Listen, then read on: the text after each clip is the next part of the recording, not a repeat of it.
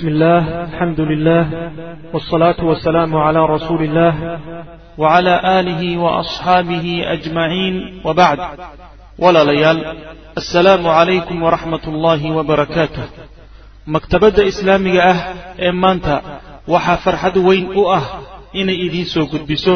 sharaxa kitaabka alraxiiqu almakhtuum waxaana sharxay fadiilatu shaykh moxamed cabdi umal xafidahu allah allah tabaaraka wa tacaala waxaan ka baryaynaa inuu naga dhigo kuwii ka faa'iidaysta. Waxaad ka dalban kartaa manshuuraadka maktabadda maanta boggeenna internetka ee cinwaankiisu uu yahay www maanta net ama telefoonnada kale ah eber eber afartan iyo shan soddon iyo shan siddeetan iyo afar eber saddex eber hal ama eber eber afartan iyo shan soddon siddeed sagaal siddeed sagaal afar iyo toban iminkana waxaan idinkaga tegaynaa casharkii koowaad ee kitaabka assalaamu calaykum waraxmat ullaahi wbarakaatuh الحمد لله نحمده ونستعينه ونستغفره ونستهديه ونعوذ بالله من شرور انفسنا وسيئات اعمالنا من يهده الله فلا مضل له ومن يضلل فلا هادي له وأشهد أن لا إله إلا الله وحده لا شريك له وأشهد أن محمدا عبده ورسوله يا أيها الذين آمنوا اتقوا الله حق تقاته ولا تموتن إلا وأنتم مسلمون أما بعد فإن أصدق الحديث كتاب الله وخير الهدي هدي محمد صلى الله عليه وسلم وشر الأمور محدثاتها وكل محدثة بدعة وكل بدعة ضلالة وكل ضلالة في النار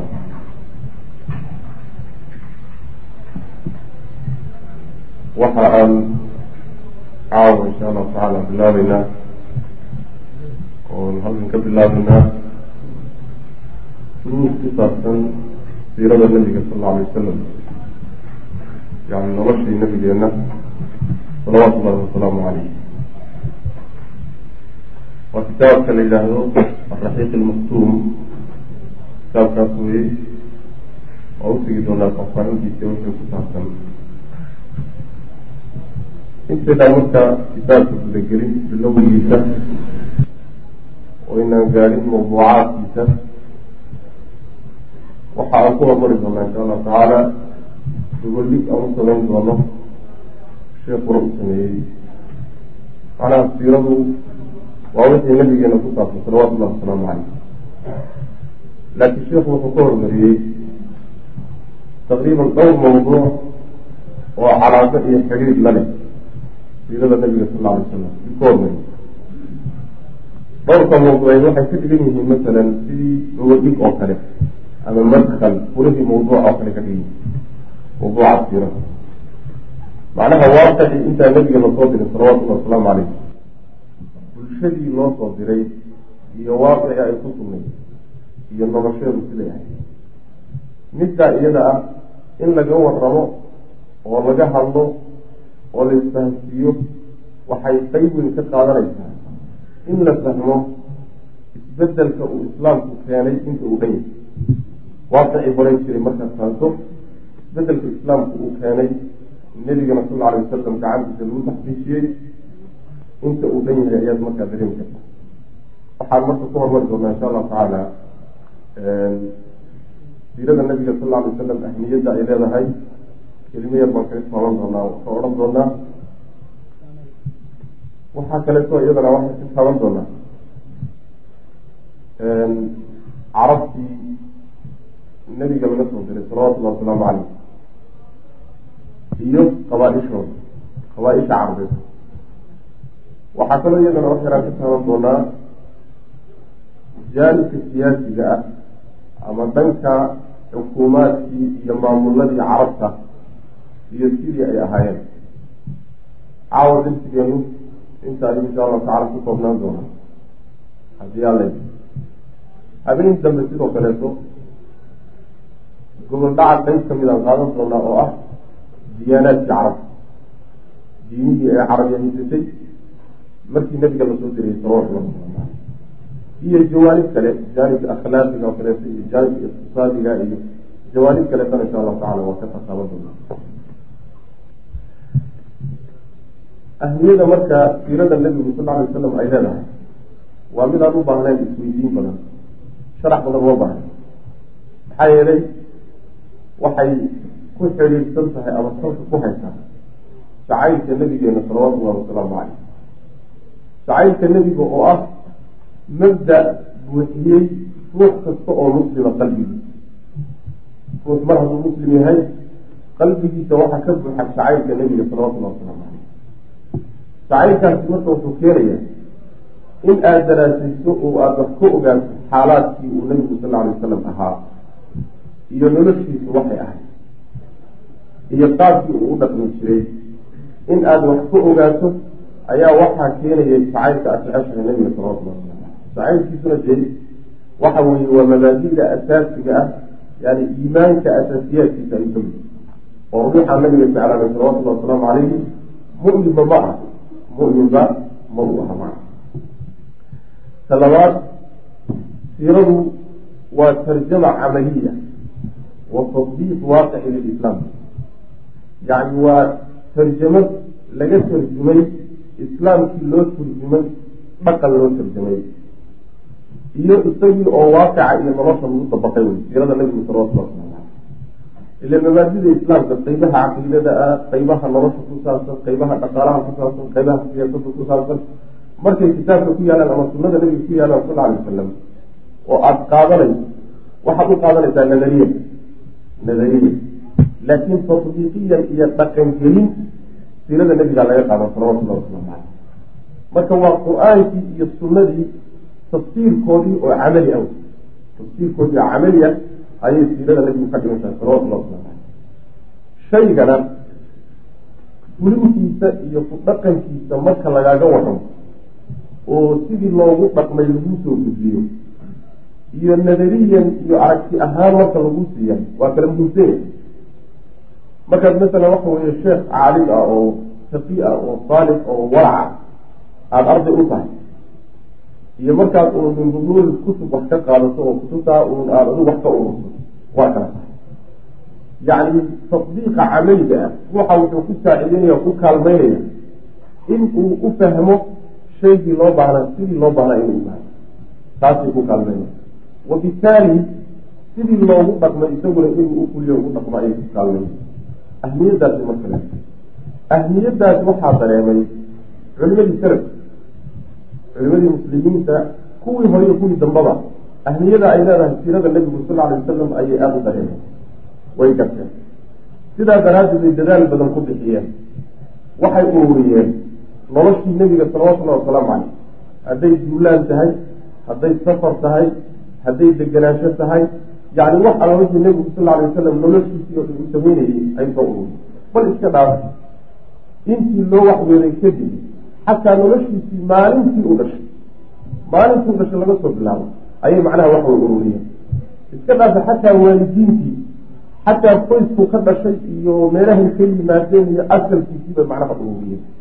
Ahmiyadaasay marka siiyeen. Kutub fara badan baana laga alifay kutub badan ayaa laga alifay inkastoo kutubta siirada laga alifay ay kala fiican haddana kutub waxaa jirta wakti hore laga sida kitaabka waaqigii oo kale kitaabka masala maxamed ibnu isxaaq oo kaleeto uu soo gaabiyey ninka la yidhaahdo mishaal siiradiisa uu ku soo gaabiyey. Fusuux lbuldaan oo leeyahay balaadigi oo kale kitaabka ibnu jariir sabri uu leeyahay la yidhaahdo taariikhu umami warusul la yidhaahdo oo kale. Yacquub ibnu sufyaan alfatawi ninka la yidhahdo kitaabkiisa oo kaleeto khaliifat ibnu khiyaar taariikhdiisa oo kaleeto kulligeed waxa weeyaan waa kutub ka hadlaysa siirada nabiga sal alla alay slam ayay daraasaysa kutubtaasi marka waa kutubtii ugu horeysay ee laga qoro siirada nabiga sal alay slam waxoogaa marka waxay leedahay yacni wax alla wixii nebiga laga sheegay oo dhan. Ilan ayagu mayaysan googsoog ma ahayn wax alla wixii ka soo gaadhay nebiga laga sheegay oo dhan sala allahu alay wasalam bay qoreen. Asaaniidday ku soo gaadhayna way ku qoreen. Waxaa ku dhex jira marka kutubta yacni waxa weeyaan riwaayaad daciif ah iyo kuwo mawduuca iyo kuwo xasan ah iyo kuwo saxiixa wax walbaa dhexyaan kutubtaas siyarka kulligeed sida loo soo guuriyey baa sax uma wada. Maxaa yeelay yani waxa weeyaan wax walba ku dhexsan laakiin ayaguna ma aysan kala cadaynin oo mayna kala odhanin oo kuuma kala saarin. Waxayna kugu kala saarin oo faraha uga qaadan waxa weeyaan sanad bay ku soo tegiyeen sanad bay ku soo arooriyeeno markii ay nabiga sal alay wasalam masalan ka waramayaan duulaankii uxud wuxuu ku odhanayaa xadahanii fulaanu can fulaanin can fulaanin can fulaanin qisadii uxud buu gelinay wahaa kada sanadkaasaa marka waxay kaga kaafsoomeen in ay riwaayaadkan ku kala saaraano midda saxiixa iyo midda daciifka iyo midda mawduuca ay ku kala saaraan maadaama sannadkii ay kusiiyaan sanadkana saasay ahaan jirtay oo ninku hadduu sanadka ku oo xadiidka sanadkiisii kugu siiyo wuu ka maarmaa marka in uu macnaha waxa weeyaan uu kuu sheego ma saxiixa mise waa daciif maxaa yeelay raggu waxay yaqaaneen rijaasha sanadkao dhan baa la yaqaanay yacni sidii isagoo ku yiri oo kale waa saxiix ama waa daciif u kale ka dhigay kutubtaasi marka aglabkoodu wax walba ku dhex jira xataa riwaayaat waxaa ku dhex jira welintooda ayna banaanayn oo aada iyo aada daliil u ah ayaa ku dhex jira. Xataa kitaabka taariikhda macnaha waxa weeyaan ibn jariir sabr oo masaajidka ugu horeysa la ictimaalo xagga siirada macna. Kadib culimadaa kadib waxaa yimid qolyo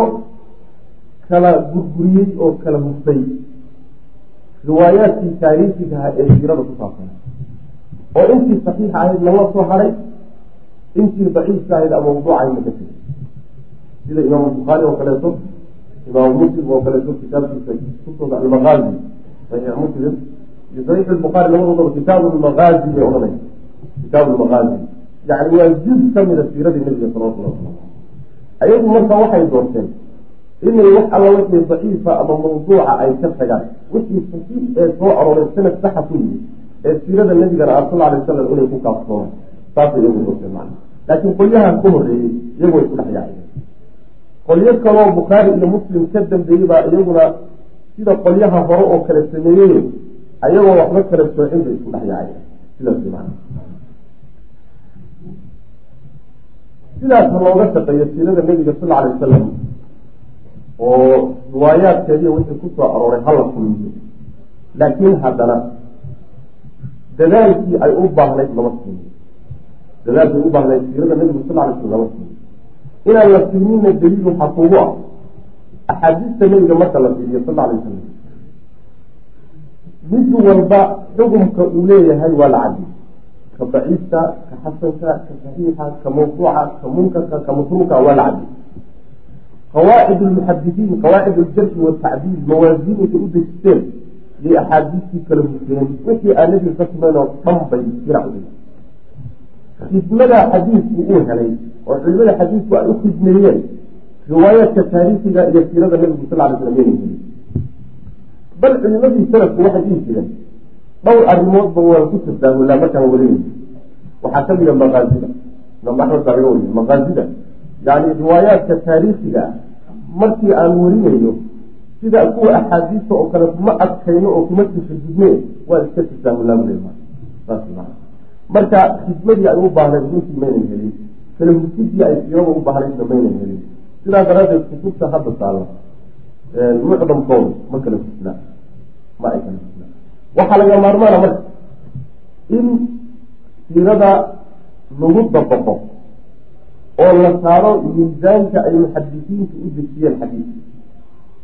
si loo kala hufo riwaayaadka taariikhiga khaasatan hadduu ruuxu doonayo in dhacdadan siirada ah ama dhacdadan xadasan taariikhiga ah in uu deliishado xukun sharciga u deliishado ama xukun caqadiya u deliishado markuu doonayo waa inuu qawaacid aljarxi watacdiil uu ikdaaciyo oo uu markaa waa daciifis waa laakiin taariikhdaa sidaa sheegtay daliil looma qabo. Taariikhda wax walbaa dhex yaalla adeegooyin baa cadad ka dhex yaalla wax badan oo xuquuq xataa ayna rumaynin baa iska dhex yaalla wax badan oo acdaawul islaam ay iskaga darsadeen baa iska dhex yaalla marka taariikhdaas sidaa sheegtay ama siirada kitaabka siirada ku taallaa daliil ma noqon. Haddaad doonayso inaad deliishato waxaa laga maarmaan ah inaad naqdiso oo aada riwaayada aada deliishanayso iyo aada hubsato ma saxiixdaa mise waa xasan mise waa daciif xujo ma galaa waa laga maarmaan. Juhuud waxaa jirta marka dadaal hadda socda oo ay rag fara badan isku hawlinayaan oo mucaasiriinta ah ay isku hawlinayaan in riwaayaadka la kala hufo taariikhiga oo la kala saaro sida xadiidka loo kala hufay oo in loo kala hufo waxaa ka mid ah rag dhowrow sida masalan sheekh naasirdiin alalbani kitaabka uu leeyahay fiqhu siira kitaabka la yihahdo maxamed alghazali uu leeyahay tacliiqaad buu ku sameeyey. Tacliiqaad aad fiican buu ku sameeyey. Axaadiista iyo siirada uu soo derisay wixii daciif iyo wixii saxiixa buu kala saarsaara waxaa ka mid a ninka la yihahda akram diya cumari oo ninkii soo oo jaamaca islaamiya darasatu lculya macnaha waxa weyaan raiis u ahaa haddana macnaha safar jira safar ku wareeg ayaa ka mid. Waa ninka iskale kitaabka la yidhaahdo yani asiira saxiixa iyo almujtamac lmadani kutub noocaas oo kale buxuud fi taariikhi sunna oo kale kutubtaa nin yacni waxa ay wadaan oo dadaalku hadda uu ku wajahan yahay in kutubtii hore inta dib loogu laabo wax alla wixii siira ah ee aan afrikayn sanadkeeda marka la fiiriyo in kutubta laga saaro inta saxiixa marka la soo isagu waa ka shaqeeyey kitaab laba mujaladu soo saaray oo la'aantaa uu sii weyneen waxa uu leeyahay tajribada ila alaan aan gaaray waxay kutusaysaa riwaayaadka saxiixa haddii lagu kaaftoomo inta laga maaran karo oo siirada nabiga sal alay slam ay dabooli karaan riwaayaadka saxiixa walaa shaka inay tahay camaliye aada u adag waa camaliye adag oo sacab jiddan ah waa baab cusub oo hadda la garaacay cidtaa uga shaqaysayna ma ay jirto allahuma yani waxa muslim iyo bukhaari iyo rag dhowr oo kale ka dambeeyaan khidmadii loo baahnaa iyo dadaalkii loo baahnaa in la kala saaro siiradu ma aysan helin. Waxaan mar labaad marka aan doonaya inaan baraarujiyo haddii la doonayo in siirada la daliishado waa in la iska hubsado siirada daliishigeeda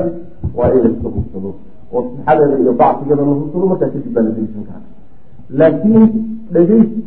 in la iska dhegeysto oo macnaha waxa weyaan maaragtay loo qaato ka taariikh ahaan iyo dhacda ahaan loo qaataay yani waxa wey dhib weyn ma jira daliil sidaas daraaddeed bay culimadu salaf iska fududaysan jireen werinteeda macna kitaabkan marka ina hor yaalla raxiiq lmaqsuumka waxaa iskale nin la yihahdo xufiy raxmaan mubaarakuni waa nin hindi ah haddana jaamica alislaamiya ku ogaado fiku siira ayuu ka shaqeeya xismadeedu ku jira waa risaala oo tartan uu ku galay. Tartan ay raabit alcaalam islaami ay qabatay. Oo siirada nabiga sal ly slam lagu tartamay yuu isagu ku gulay kitaabkani marka tartan caalam islaami oo dhan la wada galay macnaha waxa weyaan koobkii u qaatay siirada nabiga sal ly slam raabitadana qabatay sidaa ha ahaado laakiin weli kitaabku ma kala jirtaa ma aha in waxa ku yaallo oo dhan kulligeed wada saxiix isagu waa dadaalay. Laakiin waxa ku yaalaay weli qawaa'id uljadda watacdiilkii aan sheegaynay laguma laguma miisaano lamana kala hufin ee riwaayaadka taariikhiga intii isaga ugu noolaatay intuu soo aruuriyey qaabka uu u habeeyeyna runtii waa qaab aada macaan qaab aada macaan usluub salis ah oo yani waxa weyaan culamar ah culaha mari karo aada u macaan ayuu ku qoray weliba casri ah marka usluub ahaan iyo jamciisi iyo macluumaadka si u tartiibiyey mataba laakiin waxa weeyaan naqdigii aan hadda sheegayna laguma samayn kitaab kitaabku marka waa kitaab isu dhex yaalla yani markii dhankaa laga siiyo laakiin tartiibkiisu aada buu fiicay intaas muqadimo guud haddaan kaga soo baxno waxaan ka bilaabi doonaa insha allahu tacaala kitaabka yani laqmayntiisa laqmadaan laqmaynayna insha allahu tacala waxay noqonaysaa laqmo ijmaali ah. Laqmadan sii doonaa waa mid mufradaadka kelima kelima laysu dutaago midna jumle inta laysku xidhaa macnaheeda la sheega marka laqmo ijmaaliya insha allahu tacala laqmayn doonaa laqmadana waxaan ka bilaabi doonaa. Yani nasabka nabiga sal alay wasalam iyo qoyskii nasabu nabiy sal alay wasalam wa usratuhu halkaasaan laqmada ka bilaabana inta ka horeyso dhan waa muqadimo wey yani waa iska rubalxaad. Araar wey macnaha muqadimadaas marka ama madkalkaa sheekhu uu u sameeyey kitaabka. Waa midaan lahayn waa lagaga maarmaan in aan ogaano oo waxay ku saabsan tahay bulshadii nebiga loo soo diray salawatullahi waslamu caleyh iyo caalamku iyo adduunku waagii nebiga la soo diray salawatullahi wasalaamu caleyhi jeesu yaalay khaasatan carab saasuu ka hadlay waxaan waxyar ka taabanaynaa qabaa-isha carab carab qabaa-isheeda iyo siday kala yihiin kadibna waxaan ka hadlaynaa jaanibka siyaasiga iyo maamuladii carabtu ay lahayd iyo siday u qaybsaneyd waagi nabiga la soo diray salawatulli waslamu caleyh carabtu sida ay culimada nasabka ka shaqaysa ee taariikhda yaqaanaay ay sheegayaan waxay leeyihiin isibkooda marka la fiiriyo ay ka yimaadaan awowyadood marka la fiiriyo kor loo raaco. Waxay ka soo daadegayaan ama ku adkirsanayaan saddex qaybood. Saddex qaybood oo waaweyn bay u qaybsamaan qayb waxaa la yidhahdaa alcarab albaa-ida alcarab albaa-ida la yidhahda carab albaa-ida waa carabtii halaagsantay ee tagtawi waxaana laga wadaa yani nimankii la odhan jiray ree caad iyo ree samuud iyo camaaliqadii iyo kuwaasa waxa la yidhaha carab albaa-ida la yidhahda tafaasiil fara badan iyo war badan lagama hayo kuwa qur'aanku intuu ka warramay waxaan ka ahayn oo laga hayo taarikhdu ka hayso ma jirto kuwa. Malafkooda halkaa ku laabta wax badan kama hayo qayb waa midaasoo carab albaa-ida la yidhahda ka labaadi waxa weeyaan waa qolo la yidhahdo nima yidhahdo alcarab alcaariba qolaxaasaa loo yaqaana carab alcaariba nimankaasi waxay ka soo daadegaan oo dhalay oy ku abtirsadaan nin la yidhaahdo yacrub ibnu yasjub ibnu qaxbaan waana carabta qeybteeda la yidhaahdo alcarab alqaxbaaniya alqaba'il alqaxbaaniya qabaaisha la yidhahdo deegaankeeduna yaman ay waa qeyb waana nimanka la yidhahdo carab alcaariba la yidhahda balaxana waa la yidhahda alcarab alqaxbaaniyana waa la yidhahda deegaankooduna yaman qabaa-il fara badan bay leeyihiinoo waa qabiilka qabaa-il ahaan ugu waaweyn buu ka mid qaxbaaniyiin waxaa ka mid a masalan yani jiliyada iyo yaryarka ka sii farcada ximyar oo kala ka mid ximyar waxaa ka mid a kahlaan labadaa qabiil bay u kala baxdaa. Qaxbaan kahlaan iyo ximyar bay u kala baxdaa ximyarku way yar tahaye ka weyn. Kahlaanta haddana waxay u sii kala baxdaa. Intaasoo jilid bay u sii kala baxdaa. Kahlaanta waxaa ka mid a hamdaan nimanka la yidhaahdo. Dayi baa ka mid a kinda ka mid a lakm iyo jizaam nimanka la yidhahda ka mid a asdi baa ka mid a aws iyo khasraj baa ka mid oo nimankii madiina deganaa ah qaxbaaniyuhu yaman bay ka yimaad halkaas macnaa waxa way ku asiisanaya nimanka khusaaca la yidhahda ee maka muddo maamuli jiray iyo kacbada oo nimankii jurhumiyiinta jaraahimada la odhan jiray ee ismaaciil u yimid nimankaa nimanka kala wareegay kacbada ee khusaaciyiinta la yidhahda ayaguna halkaasi ka soo jeedaan waa qaxbaaniyiin qabiilkaa weyne qaxbaaniyiinta ayay iyaguna ka mid yihiin. Qabaa-ishaa marka faraha badan ee qaxbaan isugu wada yimaad qabiilka ximyar a mooyaane intooda kale way qaxeenoo yaman way ka guureen markii dambe. Oo macnaha waxa weeyaan ma aynan sii deganeyn guuritaankoodana wuxuu ku yimid daadka weyn ee la yidhaahdo saylil cayn uu qur'aanka ku tilmaamay. Sadu macrib yani waxaa jiray biyo xid weyn oo sadi macrib la odhan jiro yamanku ooyisay. Sadigii isaga ahaa ayaa marka intay biyayaal ee wax ku dhunteen buu jabay waana daad weyn oo marka waxaa fakaday guryihii iyo beerihii iyo dadkii iyo xoolihii iyo hubka dhig baabi'iyey sadigaasi marka intuusan jabin oo daadkaas iyo fayadanaadkaas iyo biyahaasi aysan soo fakanin wax yar ka hor ayay qabaa-ishaasi hijroodeen oo waxay ka hijroodeen yaman bay ka tageen hijrada ay ka hijroodeenna waxaa keenay qaar waxay u soo hijroodeen xagga madiina qaar waxay u soo hijroodeen maka qaar waxay u hijroodeen oo u kaxeen xagga macnaha ciraaq qaar waxay u hijroodeen xagga shaam bay u kaxeen xaggaasaa loo qaybsan hijradoodaasna markaa waxaa keenay yacni nimanka ruum la odhan jiray oo dowlabada dowladooda waaweyn mid ka mid ah yaa cunaqabatayn ku samay waxay ka cunaqabataysay baddana way ka cunaqabataysay berigana way ka cunaqabatay markaasa intay gaajo badan iyo rafaad ku dhacay iyo qax bilaabeen marka. Sidoo kaleeto qabaa-isha sahlaan inay qaxaan waxaa kalifay yani loolsankii iyo dagaalkii ka dhexeeyey iyagiyo ximyar yani laba qabiiloo wada dhashayn dagaalkii markii ka dhexeeyey iyo tartankii ka dhexeeyey iyagiyo ximyar ayaa wuxuu keenay qabiiladii sahlaan ahayd meeshiina duruuftii markay iska adkaatay ayagiiyo qolyihiina isku rafaadeen inay marka waxa weye fasiiru fi lardi ay yidhahdaan dhulka ilahay bay marka iska galeen maa waa kuwa marka kala yaacay ee macnaha waxa dhulka ku kala fiday sidaas nimankaasi marka waxaa la isku yidhahdaa qaxbaaniyiin baa la yidhahda marka dambena waa qaybsameeno dhulkao dhan bay degeen laakiin markii hore asalkoodu yaman buu ahaa macna carabta qaybteeda saddexaad waxa weeye qabaa-isheeda carabta la yihahdo alcarab lmustacriba carab carabta yani waxa weye caraboweyn ayaa la yihahda carabtaasi waxa weeyaan waa carabta ka soo jeeda ismaaciil ibn ibrahim nabiyullahi ismaaciil carabta ka soo jeeda. Halkaas ku akrisanay sida la ogsoon yahay waa xadiiska nabiga ku soo orortay salawatullahi wasalaamu caleyh deegaanka nabiyullahi ibraahim markiisii hore muusan ahayn maka ma ahayn mana ahayn jaziiratulcarab iyo xijaaj ma ahayn. Laakiin wuxuu ku yimid nabiyullaahi ibraahim dhismaha beytka inuu dhiso daraaddeed buu ku yimido rabbigaa subxaana watacaala soo diray. Waa kii markii uu islaamkii uu guursaday haajaro markuu guursaday oy ismaaciil dhashay. Waxaa ku masayrtay xaaskiisii weyneyd ee saara ahayd baa masayrkii ay masayrtadaa marka wuxuu keenay qadar ilaahay iyo amar ilaahna meesha waa ku jireen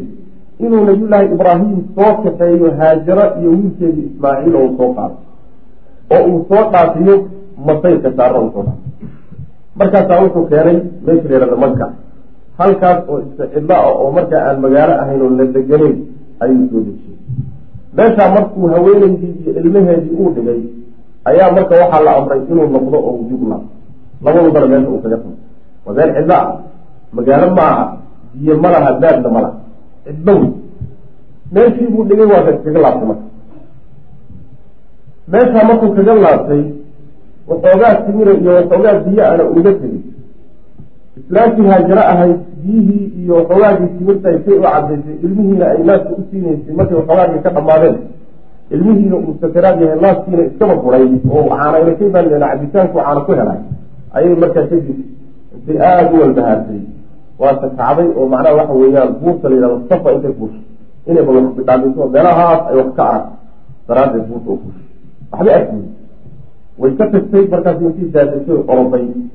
iyo waxay fuushay buurta hadda marwo la yidhahda inay wax fiirfiiri wuxuun inay arag waxba way arki weyne markaasi haddana raadkeedi dib ugu soo laabatay oo dib haddana u soo orday safay haddana soo fushay toddoba goor bay sidaas waa meesha ay ka timid jidaynta laynoo jideeyey asacyu bayna safa walmarwa toddoba goor bay dhankani dhanka u kala oqon markay ugu dambeysay ayaa marka waxay maqashay qayla maqashay dhawaaq qayla shakar bay maqashay. Markaasaa waxay tiri ku maqalay haddii aad wax gargaar a ahayso noo gargaar. Way soo tagtay wiilkii waxay u timid markaa wiilkii bay u timid adig malag baa meeshaa ugu yimid.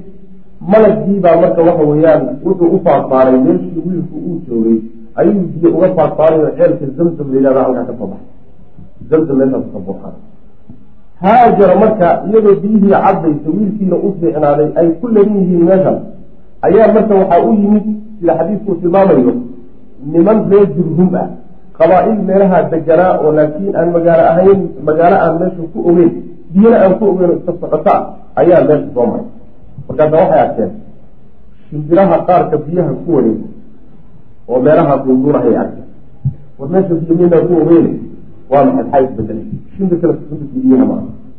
sahan bay soo direen way soo tageen meeshii u yimaadaan mise waa islaan biyo haysa oo biyana meesha agteedaa ka buuxanaya haajara waxay ka codsadeen inay la degaan. Ma kula degnaanaya ma kula degnaan waxay tihi waa ila degeysaan laakiin waxaad igula degeysaan shardi ah inaydaan biyaha kulahay. Biyaha waan ku sheeganay. Laakiin ila soo dega. Oo waxay isaga baahan tahay weliba u weliba u baahan tahay haajara laakiin waxa weeyaan ha u baahnaatee haddana biyahanay macnaha kaga bakayna biyahan laakiin ha sheeganina sidii bay ku soo degeen. Adiga ismaaciil wuu barbaaray. Meeshii buu ku barbaaray nimankii reer jurhum ahaa buu ka guursaday meeshaasba carruur badan ka dhalay. Halkaa waxaa ka tarantay ka tarmay. Carabta qeybteeda la yidhaahdo alcarab almustacriba. Halkaas ka tarantay. Yani waa nabiyullahi ismaaciil tarankiisii wey nabigeena salawatullahi waslamu aleyh quraysh iyo halkaas martigelayaan maa nabiyullahi ibraahim marka markuu tagay kadib dhowr goor buu soo laabtay oo maka ku soo laabtay soo laabashada uu soo laabtay taqriiban waxaa la sheegaa oo riwaayadku ay sheegeen afar goor inuu soo laabtay. Saddex goor waxaa sheegay xadiidka bukaari iyo keyrkii ku soo arooray. Oo mar waxay ahayd markii uu u yimid guriga isagoo ismaaciil ka maqanya oo uu xaaskiisii weydiiyo yihi bal xaalkiina ka warrama oo islaamkii waa carcaatay tii waanu qariibanahay waxba islamahay magaashaa lafakiraadlama isagiina meelahaas ugaan u raadiyey dardaaran buuga tago wuxuu yihi hadduu yimaado waxaad ku tidhaahdaa guriga albaabkiisa iska bedel. Nin odayaa yimido wuxuu guri guriga albaabkiisa iska bedel. Warkaas duuduuban baa loo dhiibay ma fahmay haddagu waxaa yimid ismaaciil baa yimid waxbuu dareemay. Wuxuu yihi ma baa kuu timid markaas waxay tihi haa oday noocaasoo tilmaantaale baa ii yimid. Wax fariida ma kugu dhaafay haa. Wuxuu igu dhaafay oo ku yidhi guriga albaabkiisa iska bedel. Markaas wuxuu yihi aabbahay bu ahaayo wuxuu guriga albaabka la bedelayana adiga weye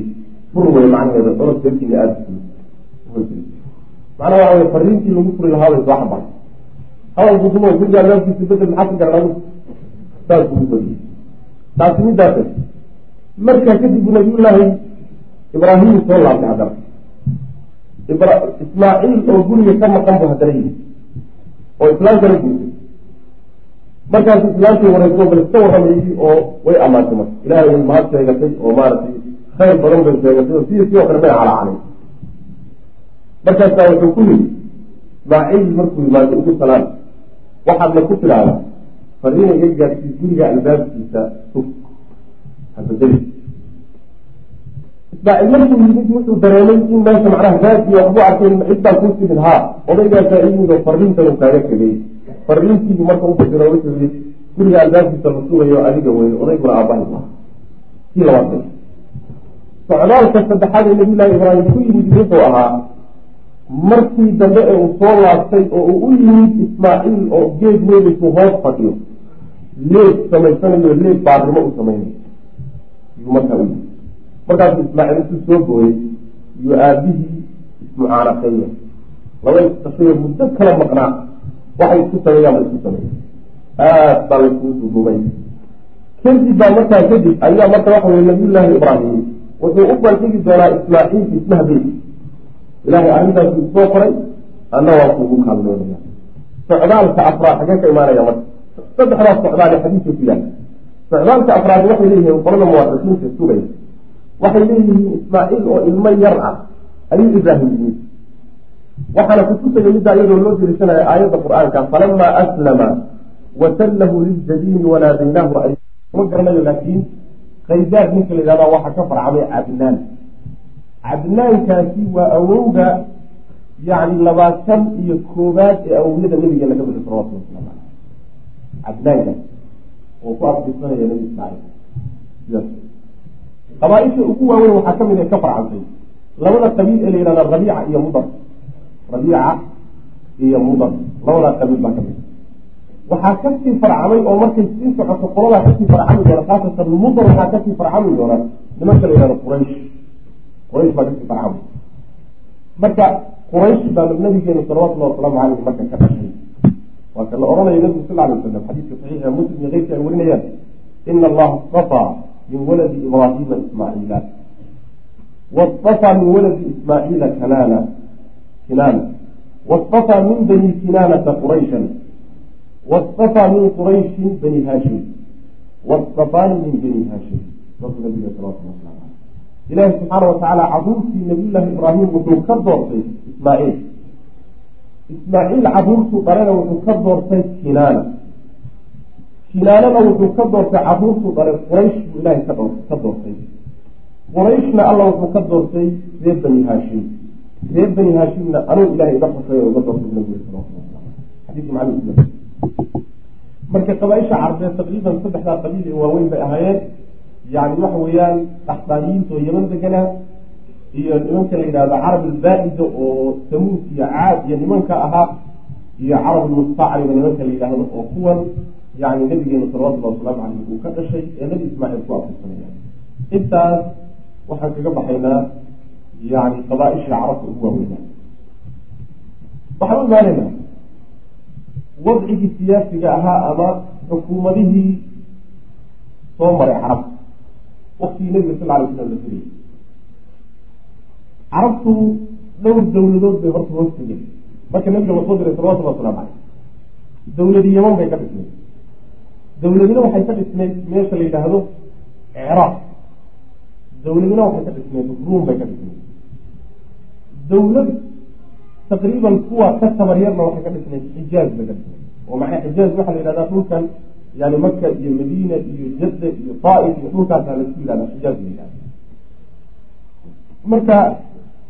dawladahaasay kala raacsanaayeen masalan yeman meesha la yidhahda waataan soo tilmaanay waxaa deganaan jiray carabta la yidhahda carab alcaariba axbaaniyiintaa deganaan jiray. Iyo jeegaan wa yani mulki badan iyo maamullo fara badanna waa u kala dambeeya ilaa laga soo bilaabo saba uu qur'aanku ka warramay. Mulkigoodu marmarka qaarkood wuxuu gaadhay aada buu u xoogeystayo xataa inay intay tilaabaan jasiiradda ummado kaleeta xataa ay qabsadaan ayay gaadheen laakiin marar fara badan baa la jebiyey oo laga adkaaday oo xataa la gumaystay. Ilaa laga gaadhay islaamku markii nabigeena sal ly slam soo diri doono wax yar ka hor ayaa nimanka romaaniyiinta la yidhaha oo markaa ahaa kristan ahaa ayaa cadad soo galay cadad bay qabsadeen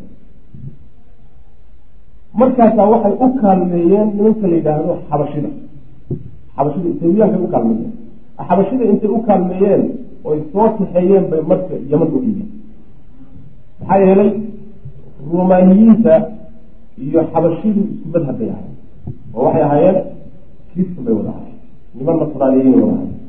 markay marka rumaaniyiintu ay yaman qabsadeen yay xabashida intay soo qaadeen bay mulkigii waxay u dhiibeen yaman bay u dhiibeen. Halkaas kaga tagma waa markii ugu horeysay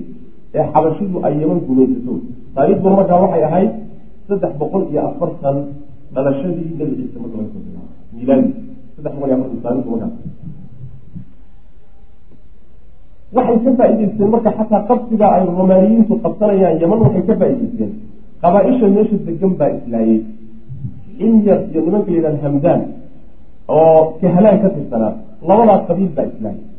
markay islaayeen baa marka jaaniskaasa laga faaidey yani dadku caadi waxaa la yaqaana ayaga gudahooda hadday islaayaan oo isburburiyaan cadowgii dibaddaa ka faaidey cadowga dibaddaa ku yimaad marka labadii qabiilee deegaankaydba hadday iyadu isbaabiisay cadowgii si dhib yar buu yaman ku soo galo yaman ku qabsaday. Yaman markuu qabsaday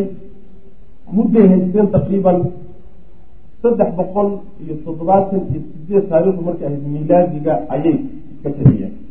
oo ay yamani mar labaad iyo carabtii deganayd madax banaani ay heleen oo ethoobiyaanka ka madax banaana markaasaa waxaa soo bilowday taariikhda agtada waxaa soo bilowday in sadigii ama yani waxa weeyaan xayndaadkii biyaha lagu xidhay sadi macrib inuu markaa faruurmo oo meelaha qaarkood ka burburo ka jajabo ayaa markaa bilaabay. Waa taariikhdaas ilaa markii dambe macnaha waxa weye dhamaystirmay jabitaankiisu sanadku markuu ahaa afar boqol iyo konton milaadi. Markaa wey marka macnaha waxa weye saylal calimku u dhacay oo sadi ma'ri uu jabay oo macnaha waxa weye biyo intuu jabay yaman aqlabkeeda macnaha waxa weye dadkii deganaa dhibaato weyn ay soo gaadhay macna markaas wax yar kadib sanadkaas sannadkii shan boqol iyo labaatan iyo saddexdii ayaa nin la yidhahda dunawaad oo yahuudi ahaa ayaa wuxuu qaaday xamlo ballaadhan weerar ballaadhan buu wuxuu ku qaaday nimanka masiixiyiinta ah oo najraan meel la yidhahdo deganaa ayuu weerar ballaadhan ku qaaday. Isaguna yahuud wey masiixiyiintii weer ku qaaday. Markaasu wuxuu ka dhigay mid uu dilo mid uu xidho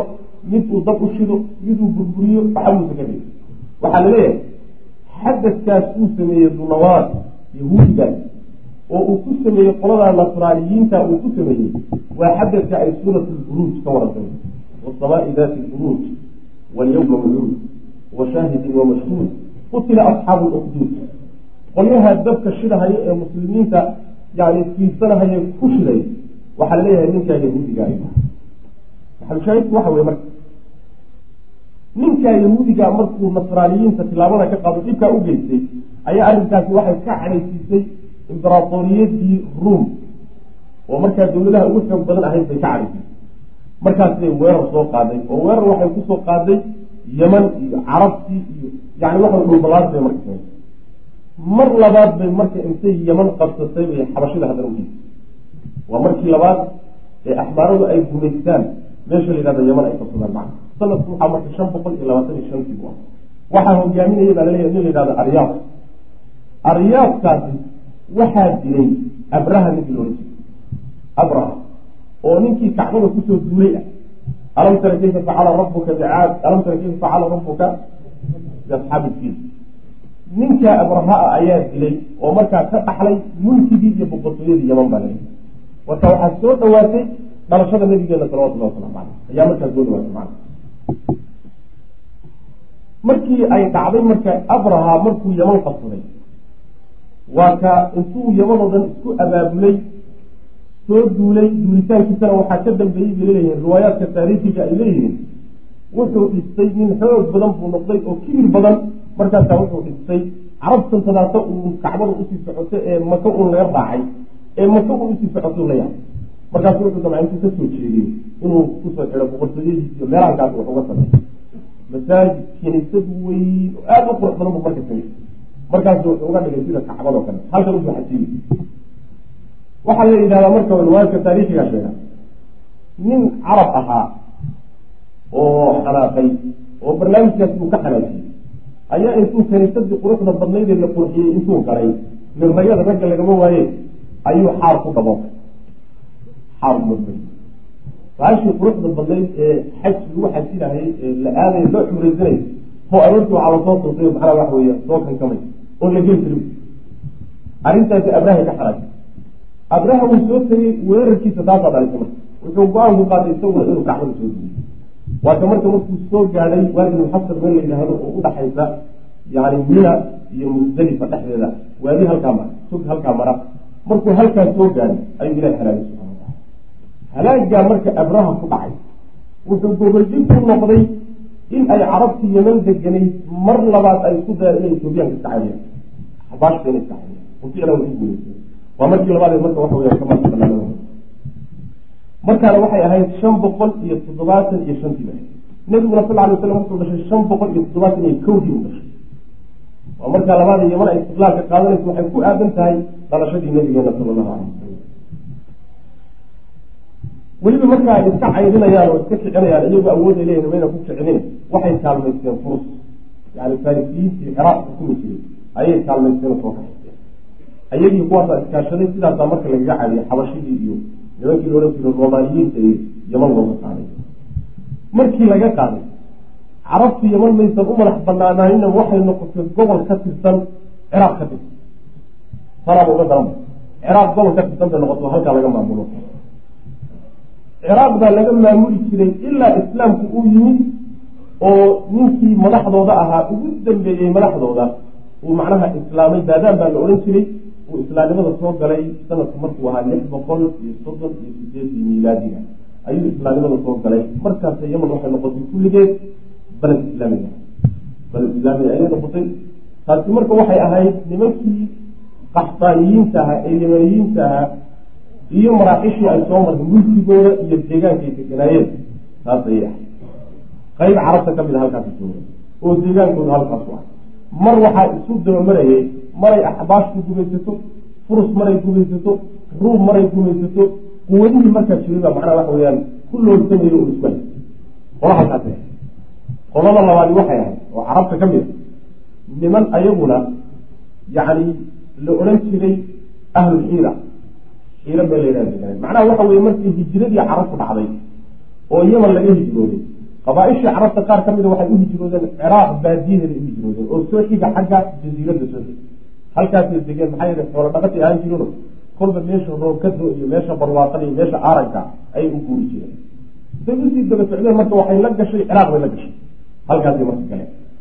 halkaa iyagoo degan ciraaqna marka dawlad adag baa ka dhisnay dawladdii adkayd ee ciraaq ka dhisnayd ee farisiyadda ahayd ayay marka hoos galeen markaasaa waxay u samaysay mamlaka yar. Maamul yaroo waxay u samaysay yani xiira meel la yidhahday magaalo caasimad u noqotay. Halkaasay marka waxa weyaan maamul ugu samaysay maamulkaas iyada raac. Waxay ugu talagashay marka carabtan ay maamulka isugu dhiibayso ay maamulka u samaynayso horta bal kuwa reebaadiya reebaadiyuhu dhib midhow dawladuhu hadday reebaadiyuhu ku kacaano dagaal baadiye lagu kiciyo kama celin karaan. Waa ku adag. Marka bal qolyaha reebaadiyaha carabta xoola dhaqatada inay kaga aadaan waa mid talabaad furus inay u diyaarsato. Carabtan baadiyaha inay kula dagaalanto nimanka le ruum oo dawladdii weynada ishayeen sidaa daraaddeed bay mamlaka ugu samaysay mamlakatu xiira ayaa la odhan jiray ayaguna halkaasi deganaay macna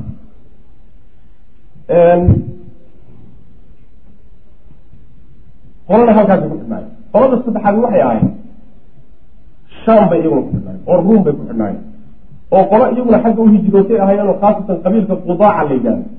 oo ximyar ka mid ahaa. Qabiilkaasaa wuxuu u hijrooday xagga shaam. Shaam macnaha dhulka la yihahdo waa urdun iyo suuriya iyo filistiin iyo dhulkankaas dhulkaasa macnaha waxa shaam la yidhahdo xaggaas iyagu u hijroodeen shaam baadiyaheeday degan iyagu. Halkaa iyagoo degan ayaa marka iyaguna waxay hoos tageen markaas. Dawladdii meeshaa ka dhiseen ruum bay hoos tageen. Maamul bay iyagana samey mulukul khasaasina niman la yidhahdo halkaa ka samaysmayo ayaguna ismaamul bay siiyeen. Halkaasay marka isku maamuli jireen laakiin dawladda ruum bay hoos tegi jireen. Qolada halkaasay mareen waxay deganaan jireen oo magaalo madax u ahayd yidhahdo dawlatljandal dawlatljandal ayaa magaalo madax u ahaan jirtay boqoradooda ninkii ugu dambeeyeyna wuu islaamo wuxuu ku islaamay waqcatu yarmuuk yani waxa wey dagaalkii yarmuuk la odhan jiray ayaa macnaha waxa uu ku islaamay oo dhacay sannadkii saddex iyo tobankii hijiriga markaasi macnaha waxa wey boqortooyadii iyaguna baaba'day oo islaamnimada soo galeen laakiin waxay raacsanaayeen ruum bay raacsanaayeen ayib. Imisaan marayna saddex baan marayna yani waxa weeye yeman qolo ciraaq raacsan oo xira ah iyo qoladan qasaasinada oo raacsan ruum raacsan. Waxaa soo hadhay boqortooye ka dhisnayd xijaaj xijaaj dhulkankaas macnaha maka iyo jidda iyo jadda iyo dhulkan kadaasa boqortooye ka dhisnayd madiine iyo dhulkaas iyo macnaha. Middaa iyada markaas iyadana waxaa maamuli jiray oo gacanta ku hayay nabiyullaahi ismaaciil markuu alla subxaana watacaala yani iyo aabihii ku guuleeyey inay kacbada dhisaan mas'uuliyadda kacbada iyo maamulka deegaankaas oo dhan nabiyullahi ismaaciil baa hayay. Nabiyullahi ismaaciil markuu geeriyooday wiilal badanna uu ka dhigay. Xididna uu la ahaa nimankii jurhumiyiinta ahaa ee meesha sii deganaa yay ku wareegeysaa marka boqortooyadii asalku wuxuu ahaa inay wiilashii ismaaciil u dhalay ay ku wareegtay. Kumayna wareegina waxay ku wareegtay awowgood xagga hooye mudaad ibna camrin aljurhumi la odhan jiray ayay boqortooyadii isagaa beydkii gacanta ku qabtay yani waxa weeyaan maamulkiina isagaa la wareegay wiilashii marka ismaaciil dhalay yani maadaama wiilo la dhalay ay yihiin kacbadana aabbahood u dhisay. Waa layska ikraamaa oo waa layska sharfaa laakiin wax maamulka ay wax ku leeyihiin ma maamulka waxba kuma ay lahaa. Sidaasaa marka soo socoto mudday soo maamulayeen nimankaa jurhumiyiinta ah ayaa muddo kacbada soo maamulayay oo maamulka maka ka dhisan markaa cabaar markay sidaa ku jireen ayaa marka xaalad adag baa maka ka dhacday. Oo yacni abaare iyo dhibaatooyin iyo waxbaa ka dhacday. Nimankii reer jurhum marka waxay bilaabeen in ay dadkii waafidiinta ahaa ee kacbada imaanahayey ee xajkiiyo cumrada u imaanayay in ay laayaan. Waxay laayaan iyo waxay dhacaan iyo waxay boobaan bay ka dhigay arrinkaasi wuxuu ka xaraajiyey qoladii cadnaaniyiinta cadnaaniyiintu waxa wey waa qoladii ismaaciil ka farcantay ismaaciil wiilashiisii qabaa-ishii ka farcamay oo cadnaaniyiin la yidhaah ayay markaa arrinkaasi ka xaraajiyey waxaa isla markaa meesha soo degay oo maka agteeda soo degay nimankii reer khusaaco ahaa ee aan waxay ka yimaadeen yani yaman bay ka yimaadeen oo qax bay ku yimaadeen. Ayaa markaa iyaguna meesha soo degay. Cadnaaniyiintii marka khusaaca nimanka la yidhahdo yaman ka yimid oo maka soo agdegay yaa markaa hunguri wuxuu ka galay inay nimankan jurhumiyiinta intay maka ka qaataan ayagu ay meesha ku fadhiistaan. Hungurigaasaa galay. Waxay ka faaidaysa marka cadadii haysay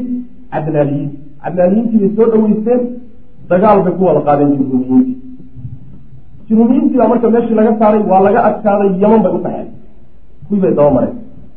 Meeshii marka waxaa degay khusaaca ayaa khusaaca marka waxay qabatay beytka iyo hawlihiisii iyo arrimihiisi iyada gacanta mudda marka khusaaca maamuleysay cadnaaniyiintuna talada waxba kuma lahayd sidaas maa sidaa xaalku isagoo ah ayaa waxaa yimid ninka la yidhaahdo qusay ibnu kilaab oo qurashi ah ayaa yimid. Qusay ibnu kilaab ayaa yimid oo awiyada nabigeena sal alay slam mid ka mid ah. Markaasaa wuxuu dagaal ku qaaday nimankii reer khusaaca ah. Khusaacu dagaal ku qaaday. Khusaacu ka adkaaday. Asbaab badan bay sheegaan oo keentay inay isku dhacaan oo dagaalamaan laakiin asbaabtaasi muhimasi ahaa adiga khusaacu dagaal ku qaaday khusaacadiibuu ka adkaaday kursigii marka iyo maamulkii wuxuu ku soo wareegay xijaaz. Wuxuu ku soo wareegay qusay ibnu kilaab ku soo wareegay. Qusay ibnu kilaabna waa qurashi waana awliyada nabigeena salawatullahi wasalaamu caleyh mid ka mid a waana midii ka wareegtay waagii ismaaciil kadib boqortooyadii ka wareegtay. Ay isdaxalsiyeen marna jurhum ay qaadatay marna khusaaca ay qaadatay. Yaa maanta iyaga ku soo wareegay macana qusay marka sidaasuu kula wareegay maamulkii maka markuu la wareegay nin aada cabqari u ah oo dadaal badan buu ahaabaa wuxuu sameeyey arrimo dhowr sameeyey taqriiban wuxuu isu ururiyey wax alla wixii yani waxa weeyaan reer quraysheed ahaa oo dhan buu isu ururiyey cablaaliyiintii o dhan meel alle meeshay jiraan oo dhan intuu isu ururiyey buu isu keenay. Markaasuu maamul wada sameeyey. Isagaa maamul u noqday oo madax u noqday. Markuu isu wada keenay yuu nadaam u sameeyey nin marka aada u adag buu ahaabaa la yidhahdaayo arrimo dhowr oo ilal aan xataa ay carabtu ku dhaqmaan oo beytka xataa qaar ka mida laga yaqaano weli ninkii dejiyo asagana waagaa maamuli jira arrimahaas. Arrimaha waxaa ka mid a wuxuu sameeyey waxa la yidhaahdo alliwa. Alliwa. Liwaaga macnaa waxa wey dagaalka marka la qaadayo oo qabiilku inuu dagaal galo u doonayo calan baa la guntaa calankaas nina aan isaga ahayn ma gunti karo. Waa ko oo macnaha waxa weeye dagaal. Isaga saxiixiisa waxaan ahayn laguma geli kara wey macnaha. Horta hawshaas isaga uu gooni ahay. Waxaa kaleeto uu gooni ahaa oo uu lahaan jiray wuxuu asaasay guri la yidhahdo daaru nadwa. Daaru nadwa. Yani waa guriga baarlamaanka oo kale wey guriga taladu ka go-o gurigaas oo kale wey guri noocaas oo kale u aas-aasay oo ay isugu yimaadaan quraysh oo lagu tashado oo go'aan lagu gaaro. Meeshaana isagaa shirka guddoomiye ka isagaa shirka guddoomiye lalama wadaago ninkan ma soo fargelin karo soomaalida lafteeda markay isu yimaadaan curab iyo waxbay is yidhaahdaan war waxaa soo reehgalo curadaa jooge balmaan ayaga loo daayay maamulka shirka yani waxa wey qolyana waxay qaabilsan yihiin masalan way ducaynaya oo ducaday leeyihiin oo laguma fargeli hawlaha saasoo kaleeto uqaybsan kale ilaha saasoo kale uqaybsan ayaga marka yani daartaana isaga asaasay oo waxay ahayd daarta taladu ka go-do isagaana guddoominkeeda waxaa kaleeto uu lahaa oo u aasaasay waxa la yidhahdo alxijaaba xijaabat lkacba xijaabat lkacba macnaha waxa wey waa wixii ku saabsan kacbada ku saabsan oo dhan. Furaheeda isagaa haya isagaa khidmadeeda haya isagaa marada marada macnaha saara markii marada loo xidhayo kacbada ninaan isaga ahayn meeshaa lagama tali karo. Ilan kacbadu waxay ka dhigan tahay waa ramsigii ummadda dhan lagu maamulayo ummadda dhan meesha laga maamulayo waa kacbada. Dhagaxaa meesha yaallo ilahi baa subxana watacala ila quluubta u soo jiiday yani waxa wey adin fi nnaasi bilxaji ya'tuuka rijaalan wa kulli daabirin ya'tiina min kulli fajin camiiq markii uu nabiyullaahi ibraahim dhisayba oo uu xajka ku dhawaaqayna khalqigii meeshaa buu ujeeday marka kacbadana isaga gacanta ku hayay. Waxaa kaleeto uu maamulayay oo gacanta uu ku hayay qusay ibnu kilaab. Waxaa la yidhaha siqaayat lxaaj siqaayat lxaaj macnaha waxa weye markii xajku soo dhawiyo dadku soo socdaan ayaa waxay samayn jireen darar waaweyn oo biyo ku jiraan. Dararkaasaa marka waxay ku qasayaan biyaha casiir bay ka dhigayaan. Yani timirtiiyo cinabkiiyo waxbay ku qasayaan xujaajtay marka ugu talagalaya waa midda hadda lafteeda waa la samay baabuur waaweyn oo yani waxa baraf iyo caane iyo biyo qabow iyo wax waddada weli sidii bay jirtaa maa marka taana isagaa lahaan jiray oo biyaha noocaasa ee loo diyaarinaya xujaajtana isagaa diyaarin jir laguma baragelin jir waxaa kaleeto uu lahaan jiray rifaadat lxaaj waa la yidhaha rifaadat lxaaj macnaha martigeliyada martigeliyada yacni wuxuu saaray quraysh oo uu dusha ka saaray. Sanad walba markuu xajku soo dhow yahay xujayda qaar badanoo waxaa jira aan sahay wadanin oo baahan. Xoolihii marka dadkaasi ay cuni lahaayeen inay soo diyaariyaan. Markaasaa la qaaraabi la soo ururin xoolaha la soo ururiyey marka xujayda inta baahan buu siinay cuntuu uga dhigi buu uga dhigi ilaa ay macnaha ka taasina macnaha hawl isagu lahaabay ahaydo iyadana risaalat lxaaj baa la oran jiray. Arrimahaasoo dhan buu marka sameeyey. Arrimahaasoo dhan ayuu sameeyey. Yani waa nin meel cidlaa u yimido yani hagaajisay wy halka geeriyooday qusay ibnu kilaab markuu geeriyooday wuxuu u dardaarmay wiilkiisa la yidhaha cabdilmunaaf cabdilmunaaf buu u dardaarmay cabdilmunaafkan iyo qusayigan iyo kulli waxan kadaato waa awliyadii nabiga sal alay wasalam uu mari doono markaan aftirkiisa gaaro aftirka nabiga sal lay slam waa utegi doonaa isagoo iska xidhaysa marka wuxuu u dardaarmay in jagada iyo mas'uuliyadda iyo hawlahaasoo dhan lagu wareejiyo wiilkiisa cabdilmunaaf. Cabdilmunaaf markii uu mas'uuliyaddii la wareegay oo uu geeriyooday kadib ayaa marka la isku khilaafay. Waxaa isku khilaafay hawlihii bulshada loo hayay iyo mas'uuliyaadkii hadda aan soo sheegay ee qusayi uu dejiyey. Hawlihii baa la isku qabsaday oo waxaa isku qabsaday cabdudaar ibnu qusay ibnu kilaab iyo wiilashii cabdilmunaaf u dhalay yacni wiilal iyo adeerkood baa isku qabsaday adeerkuna wuxuu leeyahay anaa u xaq leh wiilashuna waxay leeyahay aabahanaa ka dhinto anaga halkaasaa marka waxaa ku yimid kala jab weyn baa ku dhacay qurayshtii. Waxay sigeen xataa inay islaayaan oo qolana cabdidaar bay xoojinayaan oo garab siinayaan qolana waxay waxay macnaha waxa weye xoog siinayaan cabdilmunaaf wiilashiisay garab cabaar markii la jiitay ayaa markii dambe waxay ka barin weyday in lagu heshiiyo in la qaybsado jagooyinka. Waraxba yanaan islaynayn aan waxaan qaybsano qolo walba qayb ha la siiyo intaa iyadu ha ka taliso waxaa marka loo qaybsaday waraabinta xujayda iyo martagelyadooda labadaa jago waxaa qabtay caruurtii cabdilmanaaf baa qabtay saddexdii kaleto guddoomintii shirka iyo calankii dagaalka xidhitaankii iyo kacbada maamulkeedii saddexdaana waxaa loo daayey cabdidaar iyo wiilashiisa. Saasay marka uqaybsadeen markay saa u qaybsadeen cabdilmunaaf wiilashiisii kadib waxaa uga dambeeyey oo waraabintii iyo cunsasiintii iyo masigelyadii xujaydu waxay u soo wareegtay haashim ibn cabdilmunaaf haashim ibn cabdilmunaaf waa nabigana sal alay wasalam awowgii ama markuu isagu dhintayna waxay u wareegtay walaalkii almualib ibn cabdilmunaaf walaalkii almualib ibn cabdilmunaaf ayay ku wareegtay cabdilmualib yani almualib ibn cabdilmunaaf kadibna waxay u wareegtay hishaam haashim wiil uu dhalay oo la yidhaahdo cabdilmualib ibnu hishaam waa nabigeena sal lay slam awowgiisii ugu sokay wey marka. Cabdullaahi yani maxamed ibnu cabdillaahi ibna cabdilmualib awowgii marka cabdilmualib bay ku soo wareegtay waraabintii xujayda iyo yani martigelyadoodii saddexdii kali kale weli waxay la jiraan reer beni cabdidaar bay la jiraan. Reer beni cabdidaar ayaa macnaa waxa wey saddexdaa isaga ee kale weli la jiraan halkaa markay marayso cabdilmualib kadib waxaa la wareegay wiilashiisii baa la wareegay. Islaamkuna wuxuu yimid isagoo jagadaa uu hayo cabaas ibna cabdilmualib camu rasuuli lahi sal slam nebiga adeerkii cabaas isagoo hawshaa haya ayaa marka islaamku yimid. Sidaasaa marka iyadana maamulka yani waxa weye xijaaj ayadana sidaasaa lagu kala dambeeyo ayadana loo kala dhexli jiray. Waxaa jirta markaa taasi waa mas'uuliyaadka ugu waaweyn ee bulshada loo hayay laakiin mas'uuliyaad yaryaroo waxaa jiray qabaa-isha yaryarkaa lagu qanciyay yani sidii dawlad dimuqraati oo kale u samaysanay dawlad dimuqraatiya taqriban waa ku dhawaay mas'uuliyaadka waaweyn waxaa iskale nimankaasa iskale laakiin kuwo yaryaroo laftooda qabaa-isha yaryaraa lama halmaamine ayaga laftooda waxbaa lagu tamriyey mas'uuliyaad maxamud intaasi markaa waa dawladaha dhisan yani xijaaj yeman ciraaq oo xiida raacsan tahay shaam oy raacsan tahay khasaasinadu ay raacsan yihiin intaasi waa wixii dawlado la odhan karo ama nadaam la odhan karo. Waxaa intaa udhaxaysa qabaa-il aada u fara badan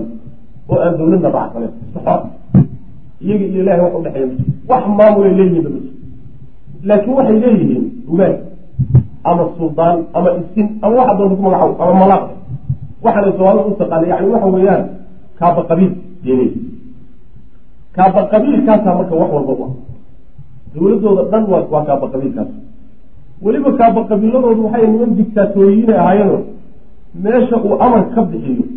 yani waxa weya hadal lagama soo celin karo. Hadduu yidhaahdo kulli dab ha laysku shubo waa laysku shubo nuur lagama odhan karo. Limana lama dhinto maxaa saa u leedahay lama odhan karo. Lalama niqaashi karo saasay ahayn marka intooda badanna saasay ahayn qabaa-ishan dhexda ku jirta oo dhan sidaasay ahaayeeno odayaashaasaa maamuli jira oo kaaba qabiilaa maamuli jiray. Intooda kalena waxay hoos tegi jireen dawladaha waaweyn bay soo kala tegi jireen wax dawlad ahaan lagu tilmaami karo ama nidaam lagu tilmaami karo oo madax banaan waxaa ka jira midkan xijaaj keliya intooda kale laakiin dawladaha waaweyn bay hoos tegi wadcigaasi marka waa wadciga siyaasiga ah ee ay ku sugnaayeen nimankii carabta ah markii nabiga la soo diri doono salawatu wasalaamu caleyh waxaan ka fahana marka oon halkaa ka garanaynaa inaysan uma jirtaba ahayn uma jirtaba inaysan ahayn waa la qaybsaday oo ummadaa qaybsaday oo miiska adduunyadu wax ku qaybsato waxa mayna kulahayn qolaba qolay daba taallay oo ay hoos joogtay oo ay barakaysanaysa laakiin haba yaraatee waxa la yidhaahdo alqawmiya alcarabiya ama adawla alcarabiya oo isku xidhan oo adduunka gorgor gorgortan ka gasho cadkeeda dhacsato ma aysan jirin waaqacaasi wuxuu ahaa waaqaca nabi maxamed salawatullahi wasalaamu caleyh ugu soo diri doono waxaan saas macnaha waxa weeyaan aan yani waaqaca ugu faahfaahinayna waxaan doonaynaa inaan fahno islaamku muxuu ka qabtay carab. Muxuu ka qabtay. Wadci waaqica iyo wadcigaa markay ku sugnaayeen kadib muxuu ka bedelay islaamka si dib yar marka waxaad u garan doontaa markii nebiga salawatullahi wasalaamu caleyhi aan gaadhno